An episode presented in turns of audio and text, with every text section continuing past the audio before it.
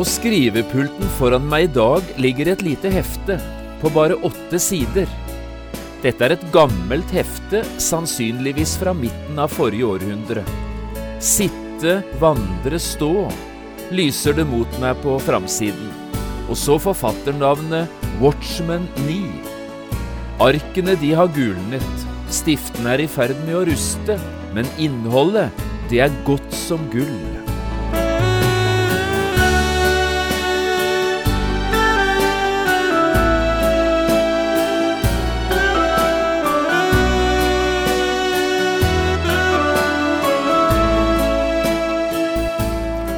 Hjertelig velkommen til et nytt program i serien Vindu mot livet. Programmet er produsert av Kristen Riksradio og blir ledet av Jon Hardang. Dette programmet er produsert med støtte fra Havila AS.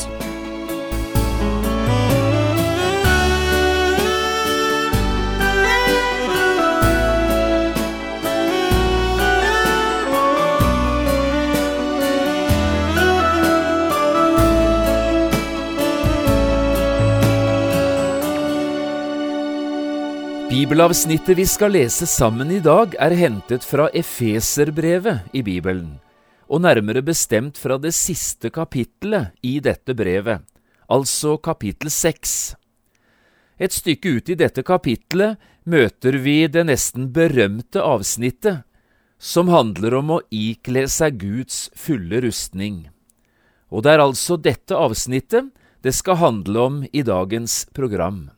For dette det er både viktig, tankevekkende og spennende lesning. Vi finner fram Efeserbrevet og kapittel 6 og skal nå lese versene 10 til 18. Jeg har kalt dagens program Sitte, vandre, stå. Og Paulus skriver, For øvrig, bli sterke i Herren og i Hans veldige kraft.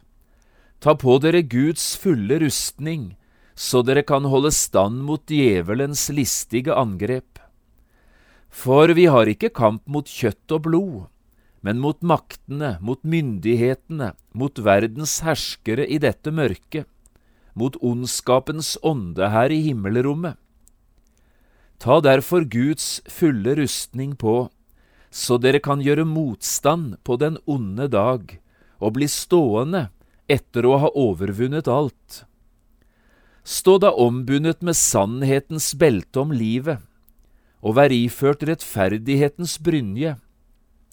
Ha som sko på føttene den beredskap som fredens evangelium gir. Grip framfor alt troens skjold, som dere kan slukke alle den ondes brennende piler med. Ta frelsens hjelm, og Åndens sverd, som er Guds ord. Be til enhver tid i Ånden, med all bønn og påkallelse. Vær årvåkne i dette, med all utholdenhet, i bønn for alle de hellige.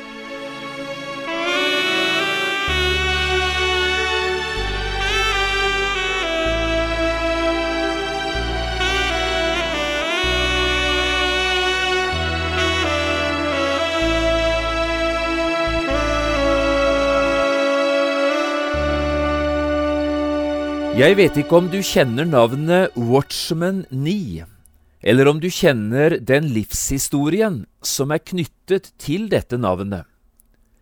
Watchman 9 er kineser og ble født den 4. november i 1903.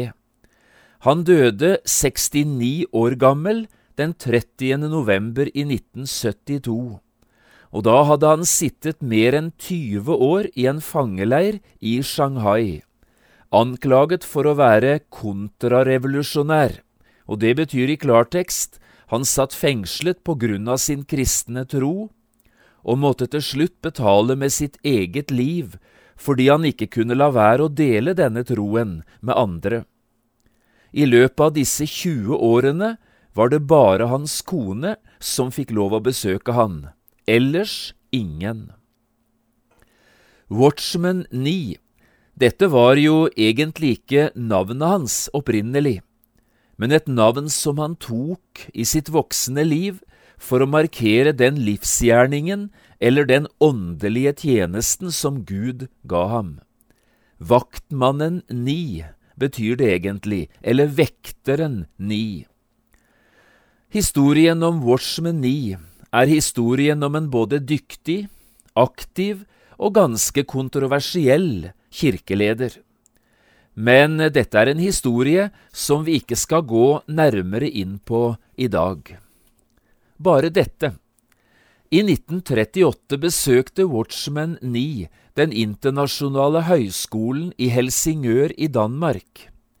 Hit var han invitert for å holde en forelesningsserie ut fra Romerbrevet kapittel 1–8.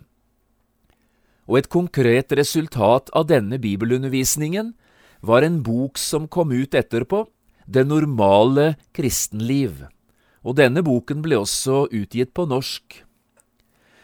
Etter dette oppdraget reiste Watchman Nee videre til den danske byen Odense. Her holdt han et foredrag eller en bibelundervisning med utgangspunkt i Paulus' brev til efeserne. Også denne mye kortere bibelundervisningen ble gitt ut i bokform eller rettere sagt som et lite hefte, og tittelen på heftet var Sitte, vandre, stå. Dette vesle heftet på bare åtte sider har jeg nå liggende her på skrivebordet foran meg. Faktisk har jeg en åtte–ni eksemplarer av dette tynne, gamle heftet. Arkene har gulnet, stiftene har begynt å ruste, men innholdet det er fremdeles godt som gull. I dag hadde jeg lyst til å lese litt for deg, fra begynnelsen av dette heftet. Det er både spennende og lærerikt, det Watchman 9 her setter ord på, og jeg leser, eller siterer. Efeserbrevet er tydelig delt i to avsnitt, et læreavsnitt i kapittel 1-3, og et mer praktisk avsnitt i kapittel 4-6. Andre halvdelen er igjen delt i to.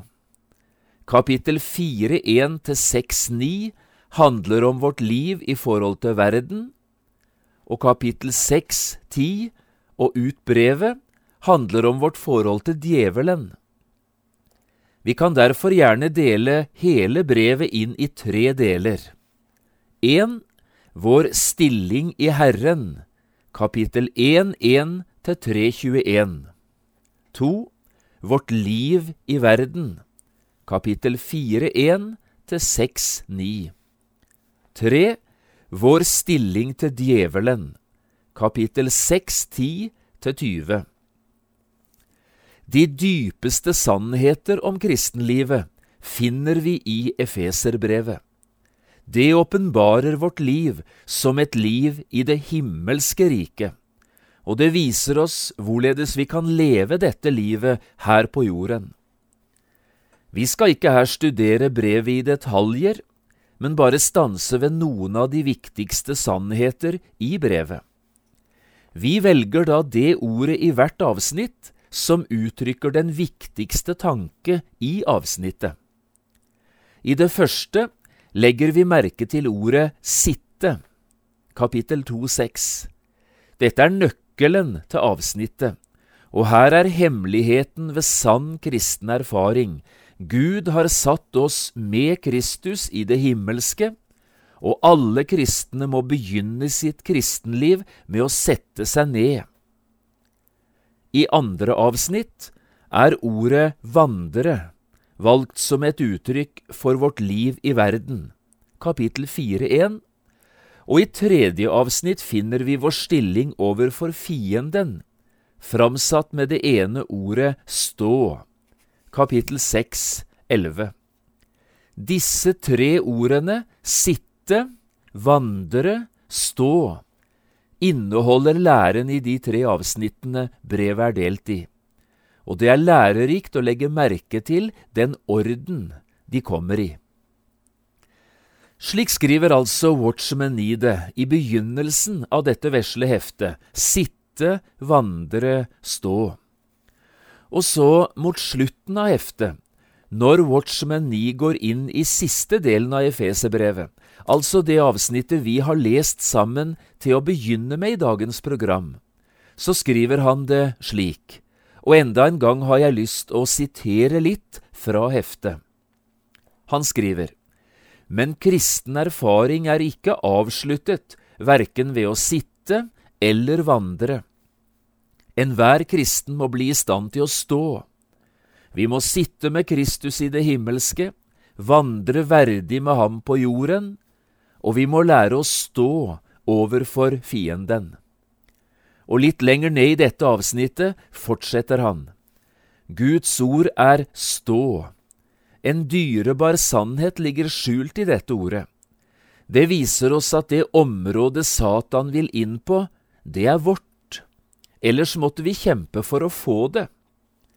Alle de krigsvåpen som er nevnt i Efeserbrevet, er forsvarsvåpen, bortsett fra sverdet, som er både forsvars- og angrepsvåpen. Forskjellen på forsvar og angrep er denne. I det første tilfellet eier jeg området kampen står på. Jeg ønsker bare å bevare det. Men i det siste tilfellet har jeg det ikke, men jeg kjemper for å oppnå det. Og dette er forskjellen på Kristi kamp og vår kamp. Hans kamp var en angrepskrig. Vår er en forsvarskrig. Jesus kjempet mot Satan for å oppnå seieren. Vi kjemper bare for å beholde den seieren som Herren har vunnet. Ved oppstandelsen har Gud proklamert sin sønn som seierherre over mørkets rike. Det området Jesus vant, har han gitt oss. Vi behøver ikke kjempe for å få dette, bare for å bevare det. Vi kjemper ikke for å oppnå seier, men for å bevare seieren som Jesus vant. Vi kjemper ikke for å vinne, men fordi vi alt har vunnet. Dersom vi kjemper for å oppnå en ny seier, da er slaget alt tapt. Og så fortsetter Watchman 9 i slutten av heftet med å aktualisere det han her skriver uten at vi nå skal gå mer inn på dette. Så var det altså Efeserbrevet 6, 10–18 vi også leste fra begynnelsen av dagens program, et avsnitt som mange bibeloversettere har kalt Guds fulle rustning, og som både overskriften og ikke minst selve bibelteksten forteller oss, dette handler om kamp, eller rettere sagt om åndskamp. Bli sterke i Herren, skriver Paulus her, og i Hans veldige kraft. Og så fortsetter han, ta på dere Guds fulle rustning, så dere kan holde stand mot djevelens listige angrep. Og dette er altså det første vi nå understreker ut fra dette avsnittet, og vi gjør det så tydelig vi bare kan. Å leve som kristen er å stå midt i ildlinjen, midt i åndskampen. Å leve, det er å kjempe. Også dette er kristenlivet.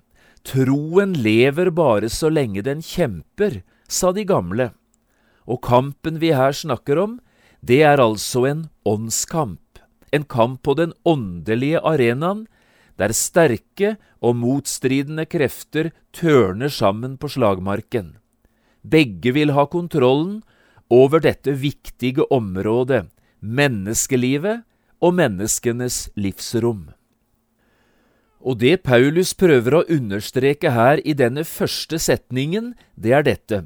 Åndskamp vinnes bare ved åndskraft. Åndskamp vinnes bare ved hjelp av åndelige våpen. Bli sterke i Herren og i Hans veldige kraft skriver Paulus i vers 10. Ingen som leser dette skal altså være i tvil. Det Paulus her snakker om, er en åndskamp som i siste instans er et spørsmål om liv og død for den som befinner seg ute på slagmarken. Det andre Paulus er like tydelig på, det er hvem som er våre fiender, vi som altså vil høre Jesus til. Vi har ikke kamp mot kjøtt og blod, skriver Paulus her.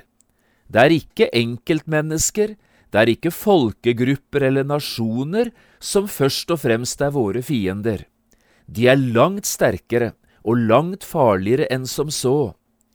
Paulus skriver videre i vers 12, For vi har ikke kamp mot kjøtt og blod, men mot maktene, mot myndighetene, mot verdens herskere i dette mørket, mot ondskapens ånde her i himmelrommet. Det er motstanderne.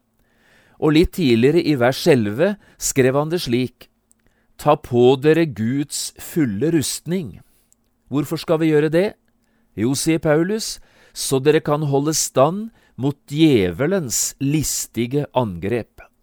Dette er altså våre fiender, djevelen selv, Guds motstander og vår motstander, og så ondskapens ånde her.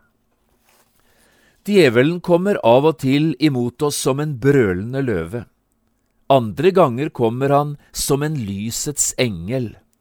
Men det er djevelen uansett, sjelefienden, vår sterke og listige motstander.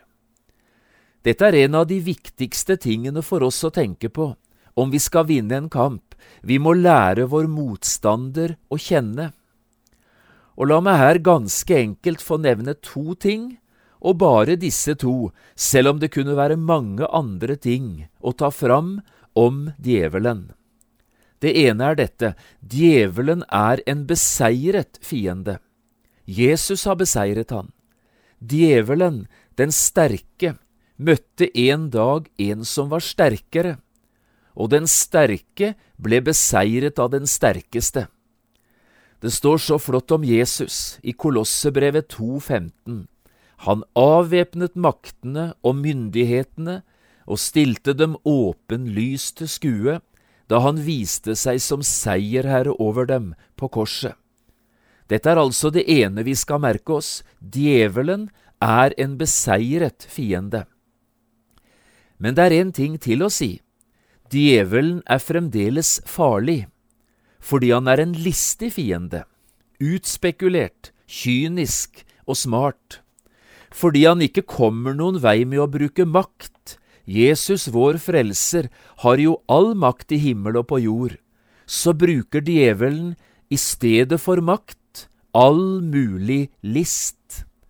Djevelen går ikke bare til angrep, han foretar listige angrep. Han lokker, og han lyver. Han blender, og han bedrar. Du må ta deg i vare, sier Paulus her. Djevelens angrep, det er listige angrep. Og så, med henvisning til det som vi allerede har sitert fra Watchman 9, kommer så en oversikt over hvilke våpen Gud har stilt til vår rådighet i denne åndskampen.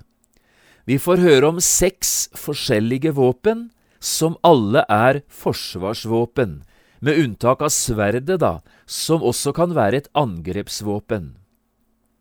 Du hørte hva vi leste, ikke sant? Vi leste om belte og brynje, om sko og hjelm, om sverd og skjold. At Paulus nevner akkurat disse seks våpnene, det er ikke tilfeldig. Dette er nemlig beskrivelsen av en romersk elitesoldat, eller den tungt bevæpnede romerske soldaten, som de også kalles. Og rekkefølgen Paulus bruker når han beskriver de ulike delene av rustningen, det er den samme rekkefølgen som de romerske soldatene brukte når de skulle ta på seg sin fulle rustning. Dette avsnittet om Guds fulle rustning er sannsynligvis et av de best kjente avsnittene i hele Bibelen, og samtidig et av de mest geniale, fordi hver enkelt del av rustningen er som en illustrasjon på en egen åndelig kvalitet som kristne mennesker skal være bevisst på og ha med seg ut i kampen. Beltet heter sannhet, skriver Paulus. Vær ærlig og sann i all din ferd. Bare slik kan du beseire løgnen og løgnens far. Brynjen kalles rettferdighet. Ikke tukle med noen form for urettferdighet eller svik. Prøv å være oppriktig, rakrygget og skvær. Det er bare slik du kan ta vare på hjertet ditt. Sko på føttene, det tredje, det er den beredskap som fredens evangelium gir. Gode sko er selvsagt viktig om du skal bevege deg fritt i kampen. Det er litt underlig å tenke på, men det som gir den største bevegeligheten og den største framgangen i kampen, ja, det er å legge vekt på å leve i fred, stifte fred og forkynne fred. Skjoldet, det fjerde, heter tro ikke den frelsende tro, men troen på Jesus og hans seier, troen på at den som kjemper på seierherrens side, aldri vil kunne tape, troen på at det nytter uansett hvor mørkt det ellers ser ut. Hjelmen heter Guds frelse, eller som Paulus skriver et annet sted, håpet om frelse. Første Tesaloniker 5,8. Det er altså den framtidige frelsen det her er snakk om. Tanken på at det er bare en kort tid, så kommer Jesus igjen. Da tar kampen slutt, og den evige seieren vil bli proklamert. Sverdet, det siste, heter Guds ord, og sverdet er et åndens sverd. Guds ord og Guds ånd dette er seiersvåpen nummer én på troens slagmark, et vidunderlig forsvarsvåpen som kan ta vare på oss, og et sterkt angrepsvåpen som vi kan bruke når vi ønsker å vinne mennesker for Gud. Her har vi det, Guds fulle rustning, gitt til hver eneste en av oss, for at vi skal komme seirende ut av åndskampen. Og så, helt til slutt, et lite ord om rustningskammeret. For hvor er denne rustningen å finne, Guds fulle rustning? Jo, svaret på det kommer helt til slutt i det vi leste. Be til enhver tid i ånden, med all bønn og påkallelse. Vær årvåkne i dette, med all utholdenhet i bønn for de hellige. Gjør dette i bønn står det i en annen oversettelse. Altså, hvordan og hvor skal jeg iføre meg Guds fulle rustning? Svar, du skal gjøre dette i bønn.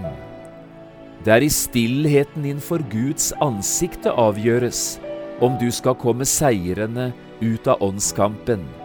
Så enkelt og så vanskelig.